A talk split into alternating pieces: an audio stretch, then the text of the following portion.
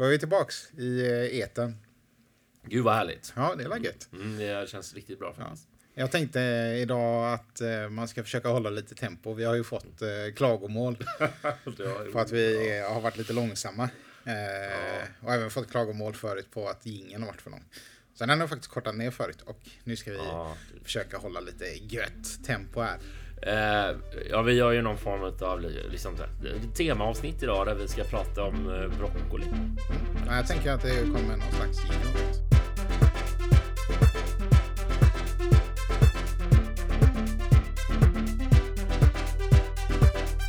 Och Jag tänker mig lite så att vi, vi, vi, ja, vi pratar om mat och smaker och allt det där. Och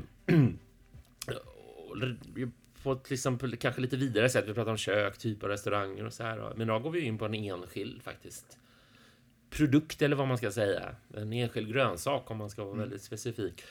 Ehm, och det är just broccoli då. Och varför gör vi det egentligen? Eh, jag vet inte, broccoli är ju rätt äckligt. Har jag tyckt ända tills jag jag. träffade dig faktiskt. Eh, men jag tänkte på det också att vi har ju spelat in en, en, litet, eh, en liten del om eh, broccoli och sådär. Men vi fick inte nog där. Du är ju broccoli-torsk number one. så, Ja, att, eh, jag är ju det. så nu kommer vi få ännu mer broccoli Ja. här.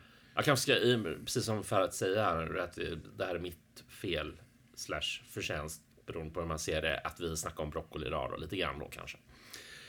Så jag kan bara berätta om varför jag tycker att vi ska prata om det. För att, ehm, jo, så här är det. Dels är det ju bra, vi kan inte bara hålla på och äta kött och snacka om det hela tiden. Nej. så det, är- det är bra i sig. Men eh, sen, sen har vi ju vi, vi har pratat ganska mycket om broccoli och sådär. Och att jag har gjort det sen vi lärde känna varandra. Nu ringer din telefon. Ja, pinsamt. Ja, det var okej. pinsamt. Eh, vi ehm, går vidare. Eh, jo, men eh, broccoli, jag insåg att broccoli har funnits väldigt länge i mitt liv. Eh, min mamma serverade broccoli i olika, inte så många olika former, men ett par olika former när jag var liten. Eh, och ja, så det har funnits med och, och Gillade du broccoli då? Nej, jag var nog en av, ett av de här barnen som, som blev lite traumatiserade och det var kokt broccoli med överkokt broccoli med salt. Så jag vet mamma hade någon variant hon gjorde också. Hon gjorde den i ugnen. Det tyckte jag i sig var lite godare, men med någon ostsås. Eh, och, och det var ju gott i och för sig, men själva broccoli var inte det som var grejen. Eh, och jag, jag vet inte om det var typiskt för oss, att vi, eller liksom för den tiden, eran, liksom på något sätt att man åt broccoli hemma. Så här på 70-talet i, mi- i mitt fall då. Jag fanns inte då så jag kan inte bekräfta om det var så eller inte. Åh, då får man känna sig så gammal. Och det är jag väl också kanske. Skitsamma. Eh, nej, men sen hemma, vi hade eh, en... Eh, det är ändå relevant tycker jag att ta upp. För det fanns ju ingen fitnesstrend och sådär och så som det finns idag på samma sätt. Men jag är uppvuxen i en familj där min morfar, han var elitidrottsutövare. Liksom Ja. brottning och simning och det var mycket vikt och sådär och viktigt att äta nyttigt och lite framförallt. Och då blev broccoli ett eh, alternativ. Sen har jag fört den, min morfars tradition lite vidare då, på något sätt i att jag har hållit på med massa sporter som varit viktklassorienterade och sådär. Och, och då har alltid broccoli funnits, varit ett alternativ. Man vill bli mätt men inte äta någonting som ger så mycket energi helt enkelt. Mm. Så därav. Så, så jag har haft en liten fixering vid det. Säkert kopplade till eh, någon form av ätstörning också. I don't know. Ehm, så därav. Och sen, sen som sagt, jag har ätit broccoli i ganska tråkiga former. Eh, länge. Kokt. Eller då den här ugnsvarianten som... Eh, och nu på senare tid så, så har jag börjat utforska lite, lite andra sätt. Vad kan man göra med det på, eh, om man inte vill koka den helt enkelt? Och det finns ju massor. Det finns ju massa klassiska franska och italienska recept där man kan, där, där broccoli ingår, men det har liksom inte en framträdande eh, roll egentligen. Det jag tycker det är roligt att se, vad kan man göra med broccoli i sig för att göra den god och intressant? Eh, så det, jag återkommer nog lite till det eh, snart. Mm. För jag är ju en sån där nörd. Va? Så jag tycker det är kul att sätta lite, lite historisk kontext och sådär också. Så... Ja, det är spännande. ah, jag vill se om det, om det, om det blir så himla mycket jag måste bara spännande. sticka in här med att mm.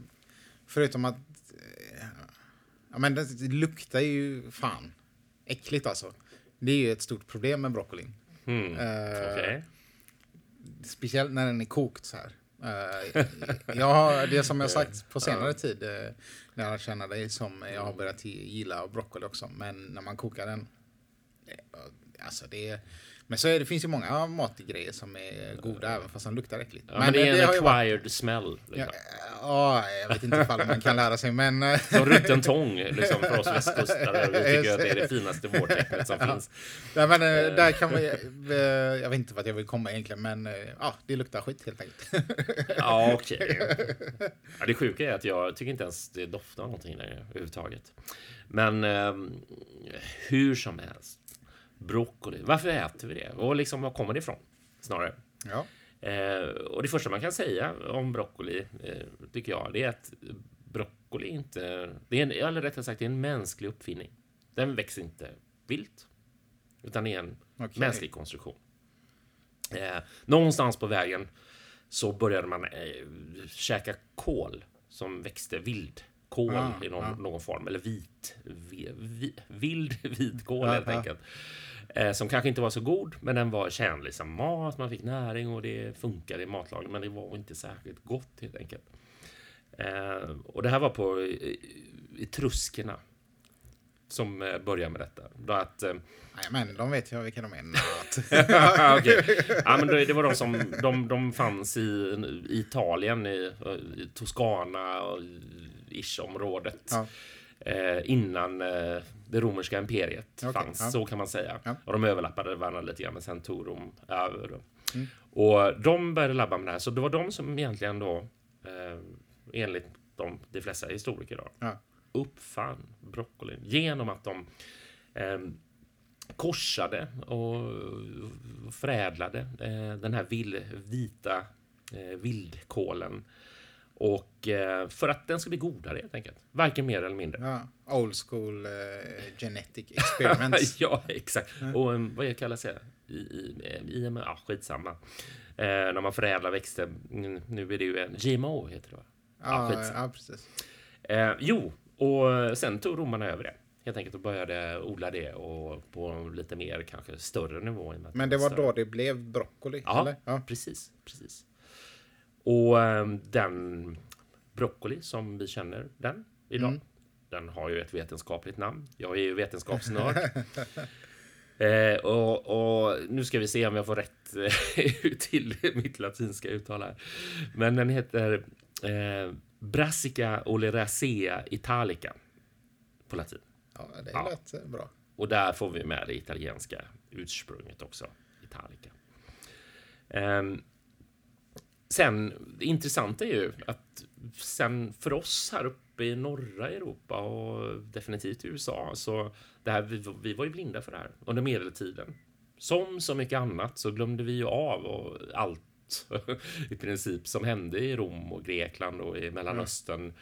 Um, Vadå, du menar blinda på så sätt att vi inte hade sånt här? Liksom, nej, men under medeltiden. Ja. Det var ju mycket vi glömde av. Vi slutade att tvätta oss och äta, på, äta andra saker som växte i jorden. Alltså, vi började ju om på något sätt ja, ja, här uppe i mörkret. Eh, så det tog ganska lång tid. Alltså broccolin försvann för oss nordeuropeer eh, under, många hundra år. Och eh, det var först fram på 1500-talet man började som man vet att, att det finns tecken igen att man har återupptäckt broccoli ja, i någon mening. Det har ju säkert funnits någonstans. Ja, ja. Man, men när man började odla det lite mer. Men den var inte särskilt populär. Så ehm, herregud, vi får gå till, fram så långt som till 50-talet, alltså 1950-talet, för, att, eh, för att det här ska få ett riktigt uppsving. Men lite så här historisk kuriosa till vi uppehålla mig vid. Ja, ingen jag är, tycker jag, jag blir för långrandig okay. För eh, i, eh, i Europa så var det en skulptör av någon anledning som heter Peter Shemakers, tror jag han heter, som 1720 började odla, eh, bro odla broccoli igen, lite större. Han gillade det eh, i England. Ja. Och i USA, lite därefter, 1760, 1767. Det finns till och med ett, ett, ett årtal, ett riktigt årtal på det. Eh, så tog Thomas Jefferson, som är en av founding fathers snubbarna i USA, eh, över broccoli till USA och började odla det där. Då. Det är mycket möjligt att någon har gjort det innan också, men det var ju en stor event att en, att en president gjorde Ja, det ja, då, precis. Så att eh, där tog det väl lite fart. Men sen dröjde det som sagt fram till 1950-talet innan det här blev någonting som man ställde fram på borden, mat, middagsborden för gemene man och kvinna. Det är ju rätt nyligen. Har du någon aning om varför? Eller vad var det som hände då? Liksom? Nej, det har jag faktiskt inte. Nej. Jag, jag, ibland har jag försökt ta reda på det. Liksom, Ja. vad, vad var det som vad var take-offen? Men det kanske Ja. är så att det var den här skulptören Shemakers och Thomas Jefferson att de startade upp någonting men sen att det fanns en tröghet rent allmänt och att det, det kanske var 1950-talet, det kan industrialisering och Ja, så ja, här. ja. Who knows? Ja. Kanske var en billig eh, sak att odla här uppe. Och det är också ganska konstigt för att broccoli är ju, lämpar sig otroligt väl att odla just i ett kallt klimat. Man kan ju i princip odla den på vintern och skörda den på vintern här uppe. Okej. Så den hade ju gjort sitt jobb här uppe under Ja, medeltiden det. om man säger Ja, ja. så. Men vi var ju så ignoranta och, Ja, och Jag upptagna med att vara smutsiga. ja, exakt. Upptagna med att säga att, att det inte är bra att tvätta sig och sådana saker. Ja. Nej, men i alla fall, så det är väl lite sådär eh, historisk bakgrund.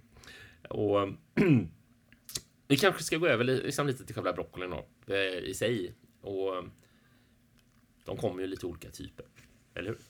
Jajamän. Det kanske några av oss känner igen. Jag tror alla har sett broccoli oavsett vad man tycker om det i våra matbutiker. Vilken matbutik man än går till. Ja, det är ingen Eh, ovanlig grönsak. Nej, det är ju inte det. Som sagt. Eh, och då finns det den, den det, det är ju en sort, den som säljs eh, här och i större delen av Europa och USA är en eh, ganska roligt faktiskt. En, en kalabrisk broccoli. Jaha. Vilket är lite kul, för vi hade ju Birger här för ett tag sedan och då pratade de mycket Kalabrien, och- men då var det på Ja. en temat och Ja. chili Ja, ja, och lite precis. sånt. Men, men den, den, det är den sorten som tydligen lämpar sig bäst för industriell liksom, odling och produktion och sådär.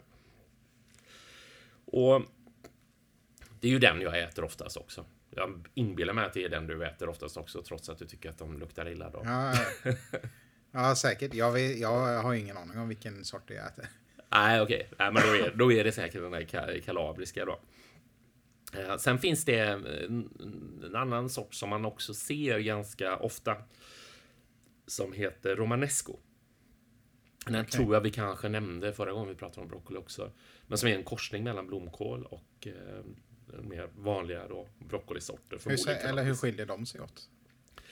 Eh, De skiljer sig åt i, i, i texten. Den liknar lite en broccoli, eller vad säger blomkålshuvud. Men Okej. fast lite konstigare former och den är lite grön och, och sådär. Ja. Men det, det, man tänker mer på det som ett kålhuvud. Broccoli okej. är ju bara en ätbar blomma egentligen. Och det kan man nästan tänka sig när man ser att, att ja, låter man den här växa lite längre så Ja, kommer den här ja. börja transformeras till att bli en bl- en blom. Just det, för det ser man ibland när, de, när man har dem hemma, att de gulnar lite. Ja. Man ser att det är som små... Eh, Precis, och då börjar de ju, då, då är det för sent skulle jag Ja. vilja säga. Då tycker inte jag de är goda längre. Eh, och då, det, då är de ju på väg att blomma. Det är möjligt att blomkål också gör det, men den har ju liksom lite en annan, den är liksom hårdare, större. Och det, romanescon är ju lite, lite av samma sort. Och pinsamt nog här när de ska sitta och göra anspråk på att vara någon eh, broccoli-expert. så jag har faktiskt inte ätit broccoli romanesco. Men det är just för att jag är så nördig när det gäller broccoli. Jag tycker den skiljer sig för mycket. ja, ja, Ifrån, ja. eh, Det känns inte som äkta broccoli. Nej, liksom. den, nej. det, precis. Så den är ganska intressant. Däremot så finns det ju en annan typ av broccoli som jag älskar. Eh, Nästan lika mycket som den kalabriska standardvarianten och det är ju Det är en sån. Den har lite olika namn. Ja, det här blir så tuttigt, men det här är så gott alltså. Men, och den har lite olika namn som sagt. En mycket, mycket spädare, eh, mindre form av, eller hur man ska uttrycka det, spädare form av broccoli jämfört med den kalabriska. Och man kan kalla den för broccolino, eller broccolini, mm. eller broccolett. Eller som i Sverige, så säger vi sparrisbroccoli. Ja, och den går ju även under namnet Bella Verde för övrigt, vilket mm. är ett väldigt vackert namn på den.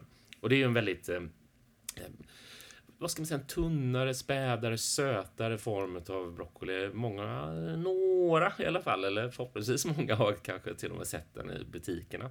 De påminner lite mer om sparris nästan. Långa skälkar och så har ja, mycket mindre, mindre sån här blomställning. Då. Eh, och det är en korsning mellan då vanlig broccoli, vad jag antar är den här kalabriska varianten ja. som vi ser, och eh, asiatisk kål, typ som pak choi. Eh, okay, ja. Kan vara in, in, vad ska man säga, ja, mixad med den här. Eh, jag har också hört att den, ett annat namn, kinesisk kål gai lan, tror jag, om jag okay, inte missminner mig. Och kan också göra att man har någon mixering. Jag vet det, det kanske är samma sak, mm. vad vet jag. Eh, och den är ju fantastiskt mm. god eh, på ett annat sätt. Men vad är det som gör att eh, just den här Bella Verde, Bella Verde eller Sparrows broccoli som man kan kalla den. Varför tycker du om den så mycket mer än den vanliga broccolin? Eh, jo, för den har liksom lite av de karaktär liksom som vanlig broccoli har tycker jag när det kommer till textur och viss mån smak också. Mm. Jag gillar ju både smak och doft då till skillnad från dig.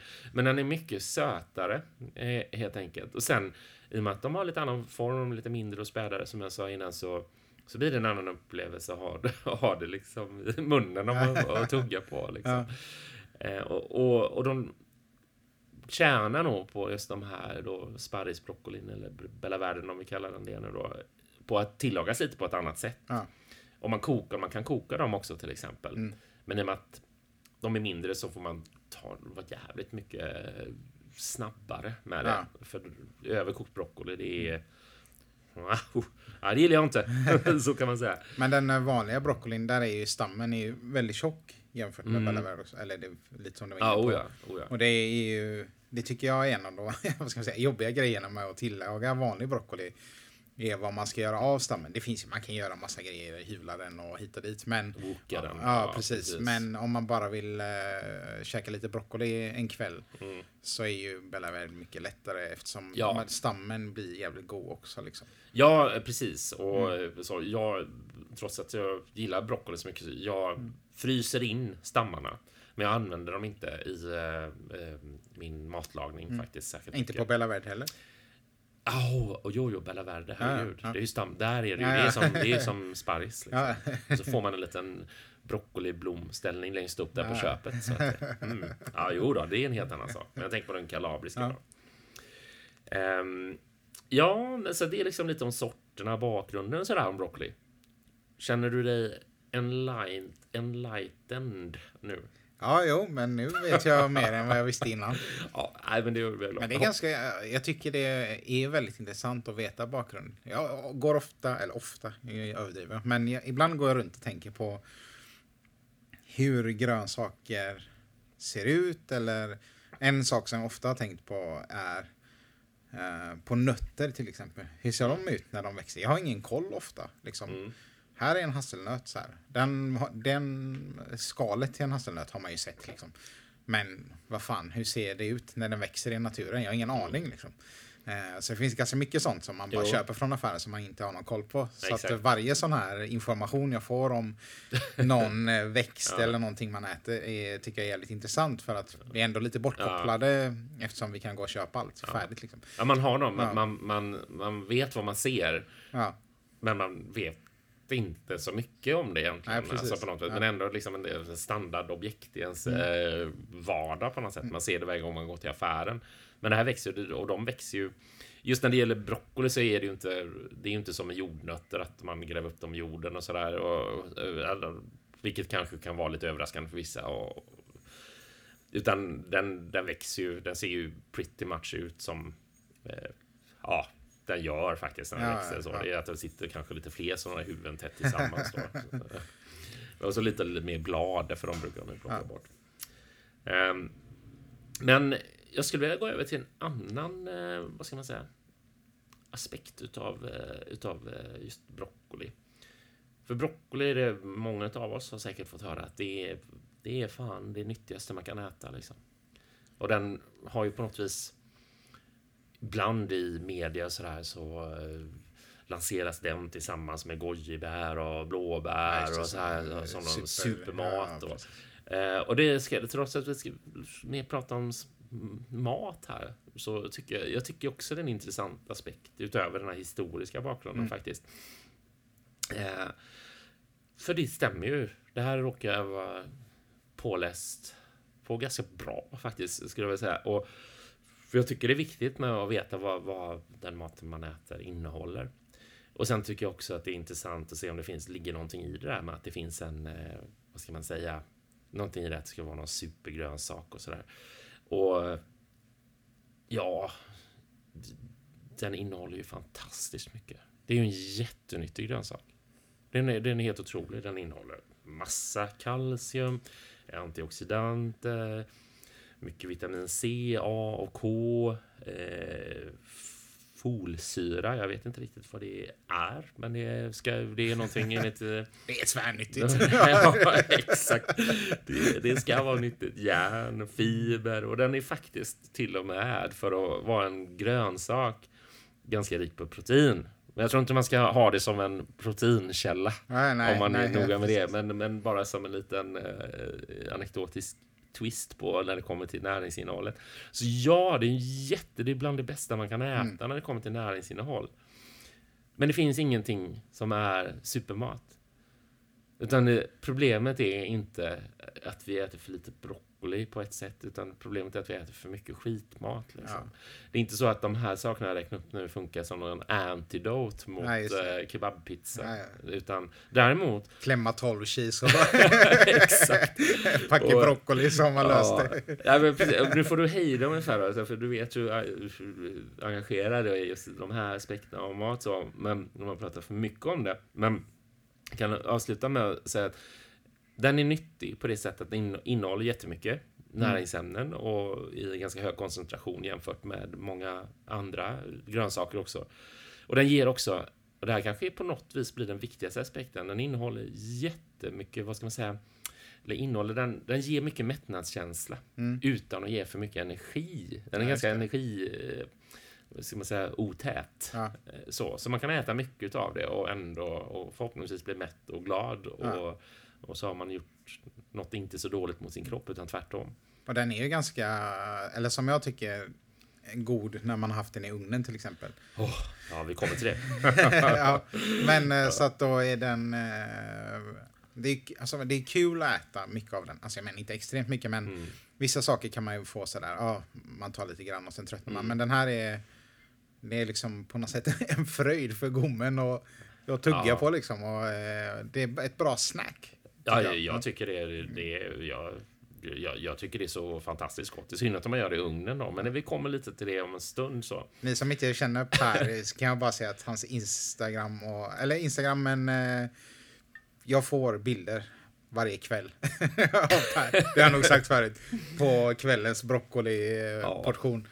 Så att eh, Per, han är broccoli-fan på riktigt. Ja, jag är det och det, det har varit ett tag. Så här, men men apropå det, innan vi går över till liksom själva mat, mm. alltså hur man tillagningen och sådär, som jag ser på den åtminstone.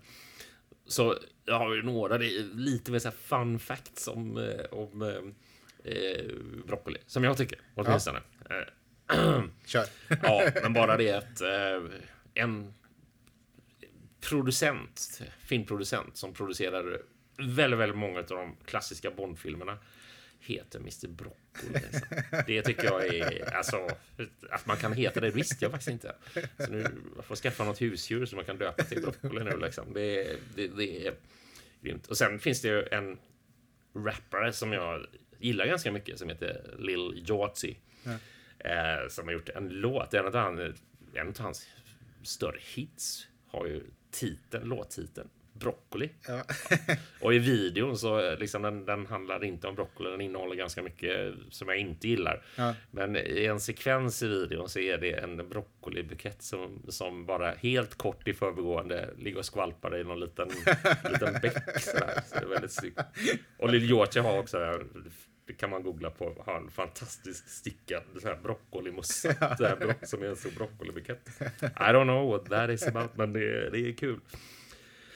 Nej, men och sen också det här med broccoli. Ibland framställs det som, som att det är något det är något man tvingar i sina barn för att de ska äta nyttigt. Ja, så här då. Precis, och det finns många som är traumatiserade av det. Och det finns en sån här liten story, eh, som en liten broccoli-beef mellan Obama och Bush, den yngre. Då. För Bush sa någon gång i något tal eller något medialt sammanhang att han hatar broccoli, liksom att det typ var hans mammas fel och ja. någonstans på 90-talet. Och sen säger Obama som är mer modernare ja. president, kanske lite mer i takt med samtiden och där det där. Tidigt 2010-tal så kontrar han med att säga att broccoli är hans absoluta favoritmat när någon frågar honom. Då. det, det, är lite jag. kul, eh, som, eh, vad ska man säga, ja men uh, en liten passning så. Som. Ja, exakt, det var, det var ju det. Och, så. och det, det tycker jag är lite kul. Det är rätt gulligt. Ja, Fast ändå ja, hårt samtidigt. Så. Men apropå sen också lite sån här fun facts, fact-grej, det är ju att eh, och, och, och apropå hur den växer, för de växer ju ungefär som det man ser är ungefär som det växer. Mm. de sitter väl några stycken sådana här buketter ganska mycket tätare. Då. På samma, buske heter det väl inte, men, men med lite blad och så här. Men en, det finns ett rekord, va? ett officiellt rekord på den största jävla broccolibuketten ever. Och den odlades, eller den skördades utav eh, Johan och Mary Evans 1993 i Alaska, av alla mm. ställen. Och den var, ja, jag har kollat upp alltså, 15,87 kilo tung. Jävlar. Det är, man kan bo i den. ja, nej men det var lite så här, lite kuriosa som jag tycker ändå är lite skoj sådär. När skulle man vilja köpa en sån? 15 kilo. jo, men att man får ha något, man får ha någon form av, vad ska man säga, fordon för att ta, ja, ta frakta hem det. Så. Men jag har en, äh, min röst äh, blir så nervös när jag pratar broccoli. Nej, men en sak som jag tänker på, äh, som du har nämnt, är att broccolin är man-made som vi sa. Mm. Att den är egentligen genmodifierad från början. Ja, det är det.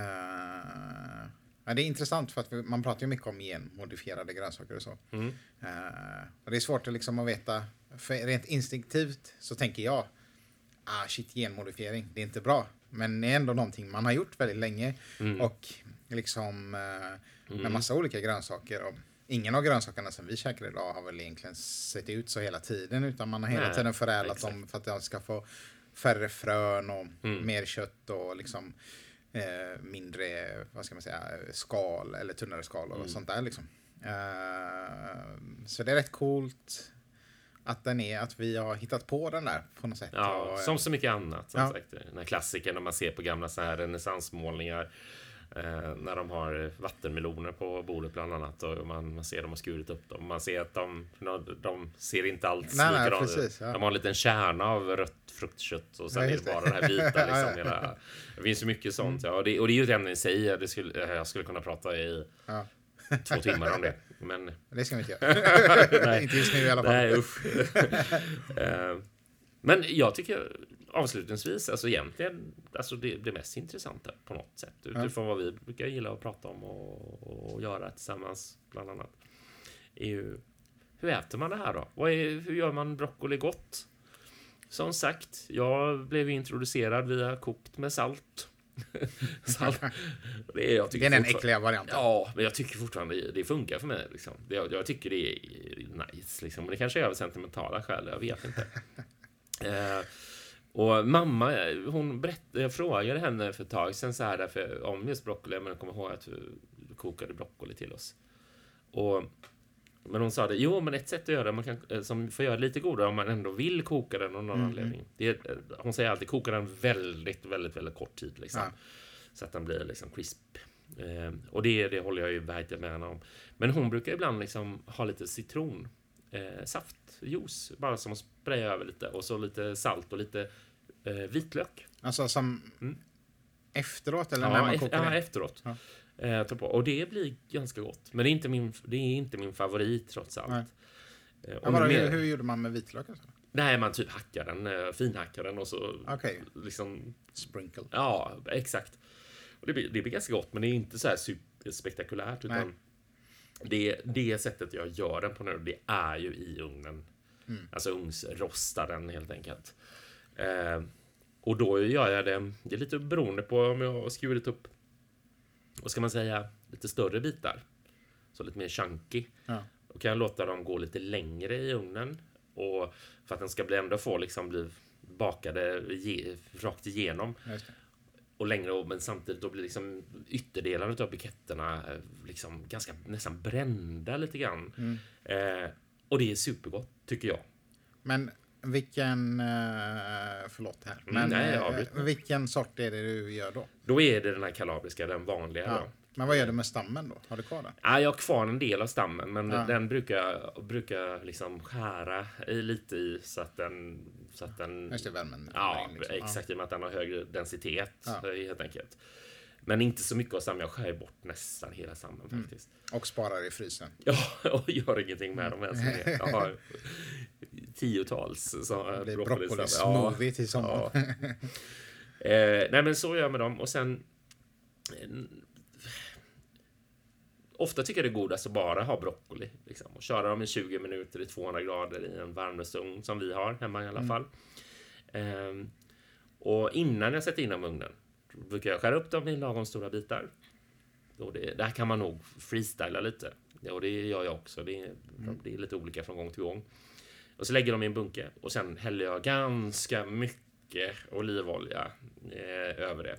Och sen skakar jag runt de här broccoli eller broccolibitarna i, i bunken så att oljan ska liksom komma åt överallt. Man kan massera in oljan också om man tycker att det är, man vill vara noga med att det ska liksom eh, Ja, vi tar en liten kort paus.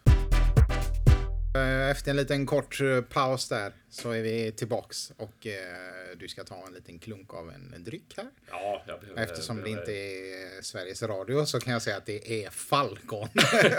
Falcon. Falcon 35 är det, varken mer eller mindre. Eh, jo, men precis. Och vi pratade ju om det här med liksom tillagningen av broccoli som, så som jag ser på det, hur man bör göra. Och eh, i ugn, godast. Och jag, den senaste tiden då, precis som jag berättade här, att, att eh, låta den gå lite längre i ugnen. Och sen det standardmått är ju 200 grader, 20 minuter knappt. Ja. Så. Men jag skiter i det nu faktiskt. Oj. Utan jag, ja, jag edgar till det och freestylar ganska mycket. För jag vill se på broccolin hur den ser ut. Och jag vill att den ska bli ganska mörk längst ut i buketterna. Mm. Ehm, alltså blir det här lite rost, eh, rostade känslan över det. Och det kanske är att göra broccoli mindre nyttigt än vad det är, vad vet jag. Eh, men om vi bara pratar smak så tycker jag det är fantastiskt gott. Men jag skulle vilja backa tillbaka lite det här, det här med jag sa mycket olja. Eh, och Ja. att man att jag gillar skaka liksom om eh, broccolibitarna i en bunke med, tillsammans med olja. Eh, någon form av olivolja. Jag har labbat lite med olika olivoljor, både som är lite mer premium och som är lite mer standard. Ja. Och där har jag faktiskt inte känt någon skillnad Okej, när det kommer ja. till slutresultatet. Däremot så skakar jag ju även runt lite kryddor. Salt, ja, yes, det, det är väl en sak. Men sen har jag labbat mycket med, eh, jag har tagit hjälp av dig för att du har lärt mig en del om nya kryddor som inte var så kända för mig. Och, Jag Vår redaktör- En hel del faktiskt. ja, så att, jo, eh, det, ja, men det gör. Du kan ju jättemycket. Och eh, vår redaktör Anders, han kan ju också ha labbat en hel del med, med det här. Så jag har prövat med olika blandningar av blandningar och ibland också isolerat med bara salt och en krydda eller salt och en blandning av krydda. Någonting jag gillar väldigt mycket det är eh, olja, salt och eh, polbiber som du har lärt mig att eh, veta vad det är och gilla för all del. Eh, även testat sumac, ibland i kombination med eh, polbiber och eh, ibland ensamt. Måste Sumac- jag gå in och översätta då? Pulverbiber är paprika, eh, torkad paprika, alltså spån tänkte jag. Men ja. Mm. Och eh, sumac är ett bär. Ja, precis. Som smakar lite syrligt. Eh, och Nästan lite citrus ja, ja, lite så. Skulle jag vilja säga. Eh, och polbiber kan, ja men den brukar vara lite stark så. Som ja, torkad chili ungefär. Ja. ja, den är lite hetare så. Och polbiber tycker jag fortfarande är jättegott. Nu var det mm. ganska länge sedan jag gjorde det faktiskt. Men eh, det, det funkar. Summa kan jag inte riktigt fallit för att ha på just på, på broccoli på det här mm. sättet. Eh, men eh, redaktör Anders då, han brukar förespråka eh, rökt paprika. Va? Ja, rökt paprika. Precis. Och jag skulle nog vilja säga att det är där jag landar. Det. Jag tycker att det är det godaste. Alltså, eh, olivolja som är okej. Okay. Enligt mig så behöver den inte vara mer än okej. Okay. Salt i den mängd man, man vill ha. Och eh, sen rökt paprikapulver. Så. Sen kan inte jag motstå frestelsen och, och slänga i lite chili flakes och sådär också, för jag gillar ju när det är ganska ja, hett. Ja. Så. Men det är väldigt gott. En annan variant som också gillar väldigt mycket, det är en, vi har en variant hemma just nu av rökt peppar eh, som är väldigt god, som vi har köpt hos våra grannar på Extreme Food. Eh, och eh, som också är supergott. Ja, ja det måste testa. Ja, det tycker jag. Men sen har jag också gått ifrån, ibland kör jag bara broccoli och jag kan ha det till vad som helst. Vad som helst. som en liten side dish. Eller så blandar jag faktiskt ner det ibland också om man har någon pastarätta. Det är ja. andra smaker som man känner att ja, det här funkar nog. Och det blir, det blir ofta jättegott i sig. Men de, vi har det ju som snacks hemma mm. också väldigt mycket. Men det finns liksom... Eh, ditt broccoliberoende är... Eh, vad ska man säga? Det är konstant. Ja. jo, men så är det. eh, jo, men eh, sen, eh, jag tänker lite på hälsoaspekten också. Och, och, och klimat... Ja. Miljöaspekten. Att jag, som jag sa innan här tidigare, att jag tycker det, det är ganska bra ah, det låter så töntigt att säga det, men bra bukfylla. Men jag, jag blir ganska mätt av det och det är när man gör det på det här sättet så tycker åtminstone jag och även min sambo som är introducerad just det här med ugnsrostad broccoli. Ja. Hon har inte varit så förtjust i det innan. Hon ber ju mig numera att göra det. och så, så, att, så att jag tycker det är ett bra sätt att och liksom på något vis komplettera upp den övriga maten man äter. Så kanske man äter lite mindre och det där som är lite mindre sunt. Ja, just det. Mm. Men eh, sicken... Eh, Sicket broccoli-bonanza vi har haft. ja, det var så jävla skönt att äntligen få det ur mig. Nej, det går ju bara att prata broccoli hela tiden. Man försöker ja, man prata exakt. om sina känslor och sånt. Ja, broccoli, broccoli, broccoli. ja, det blir så. Ja, jag får veta så himla mycket om ursäkter. Men det kanske, det kanske blir ett terapeutiskt avsnitt också då, på det sättet att jag kanske, det är ju inte så troligt, men jag kanske pratar lite mindre om broccoli efter det. Eller mer. ja, ja, det skulle kunna vara så. Men eh, Tack så mycket. Mats Axel.